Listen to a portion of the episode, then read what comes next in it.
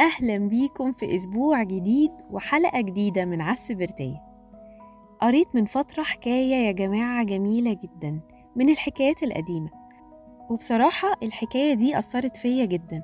عشان كده أنا قررت إن أنا أدور عليها في حاجاتي وأترجمها عشان أشاركها معاكم. ودلوقتي تعالوا نسمع مع بعض. في حكاية من الحكايات الجميلة الملهمة قوي. كان في توأم جديد بيكتشفوا العالم الجديد حواليهم وهم بيكتشفوا لقوا حبل سري جاي من مامتهم علشان يمدهم بالحياة والغذاء والشرب وكل حاجة.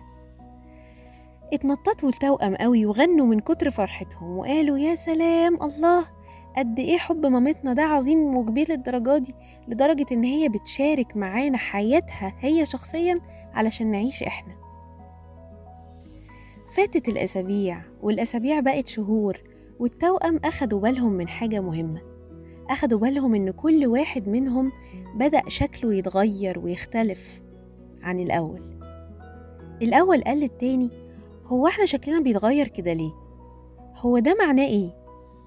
التاني قال له تقريبا ده معناه إن إحنا وقتنا في العالم ده قرب ينتهي مثلا؟ فالأول قال له باستنكار بس أنا عاوز ممشيش من هنا أنا عاوز أفضل هنا على طول. فالتاني قال له بص هو إحنا تقريبا مفيش اختيار بس يمكن يكون في حياة تانية بعد ما نتولد. فالأول قال له إزاي؟ يعني ده كلامك ده معناه إن إحنا هيتقطع عننا الحبل اللي مخلينا عايشين. ومدينا الحياة. ومفيش حياة من غيره. انت مش فاهم ولا إيه؟ كمان إحنا شفنا بعينينا كذا دليل إن كان في ناس تانيين هنا قبلنا ومفيش أي حد منهم رجع تاني وقال لنا إن في حياة بره بعد ما خرجوا. بس خلاص كده شكلها كده النهاية. أو يمكن مفيش أم من أساسه. التاني اتكلم وهو معترض جدا وقال له لا في ولازم يبقى في أصلا. أمال إحنا مين اللي جابنا هنا من أساسه؟ أمال مين اللي ساعدنا نفضل صاحيين وبناكل وبنكبر وبنتطور؟ فالأول قال له هو أنت عمرك شفت مامتنا دي أصلا؟ ما يمكن تكون عايشة في عقلنا بس. فكرة خلقناها وعجبتنا وريحتنا. سكتوا الاتنين وبدأوا يراقبوا آخر أيامهم في العالم اللي هم فيه وعقولهم كلها أسئلة ومخاوف وحيرة ولخبطة. لحد من اللحظة جت وحان وقت الولادة. وفي اللحظة اللي التوأم سابوا عالمهم اللي كانوا فيه فتحوا عينيهم وعيطوا من فرحتهم لأن اللي شافوه كان أحلى وأجمل بكتير من كل اللي توقعوه. وتوتة توتة وهنا خلصت الحدوتة. وسيبك من حلوة ولا منتوتة على جنب. تخيلوا بقى إن ده اللي بيحصل بجد؟ وإن مفيش صدمة ولا في خوف القصة دي يا جماعة جميلة جميل وجمالها إنها بتطبق على كل حاجة في حياتنا على قصة التوأمين وخوفهم من الخروج لعالم جديد لدرجة إن خوفهم كان مخليهم يتخيلوا إن مفيش أصلا عالم تاني بعد ما يسيبوا ده وإنهم هيموتوا لو خرجوا فاكرين؟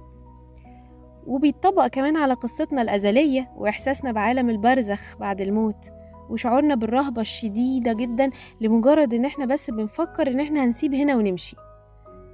لدرجة إن في يعني من كتر القلق ناس ما بتحبش تجيب السيرة ولا تفتكر اللحظة دي مع إنه هيكون عالم أجمل وأوسع وأحن وأحلى.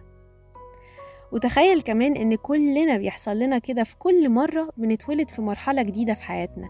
هنا وإحنا على الأرض كل رحلة جديدة بندخلها لازم نكون قلقانين منها. وقبلها نفضل قلقانين ومحتارين هيحصل إيه؟ وضع أحسن ولا أوحش؟ ولا هيجرى إيه يا ترى؟ ولا هقابل مين؟ ولا هموت؟ أوكي؟ ومع إن دايما بيكون محدش رجع برضه وقال لنا حاجة من هناك فعلا. بس لو بالقياس فآه هيكون عالم جميل وأرقى وأحلى وكل مرحلة هتبقى أحلى من اللي قبلها. وكل تجربة هتكون أوسع وأرقى حتى لو كان شكلها ضيق دلوقتي. الحدوتة دي حسستني على قد ما هي بسيطة فعلا لكن حسستني بالأمان كده والسكينة وإن دايما هيكون في حد واخد باله مننا هنا وهناك. ربنا سبحانه وتعالى.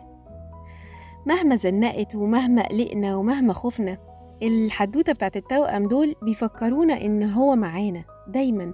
وإحنا جوه بقى وفي كل نقلة هيكون ربنا معانا واخد باله مننا. عارفين ده حتى الحدوتة دي ممكن نطبقها على اليوم ذات نفسه.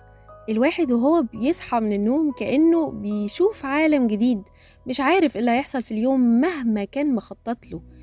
وإحنا قبل ما اليوم بيجي بنبقى قاعدين قلقانين منه مش عشان دايما بنكون قلقانين وخايفين من المجهول لأن دي طبيعة الحياة وطبيعة الولادة الجديدة في كل حاجة وإحنا فعلا كل لحظة وكل يوم بنتولد من تاني ومن جديد.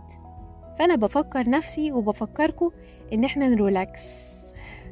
يومكم جميل ومليان أمان من رب العالمين وإن شاء الله تكون كانت حلقة ملهمة وجميلة ونتقابل في حلقة جديدة بإذن الله من عس برتاية. مع السلامة.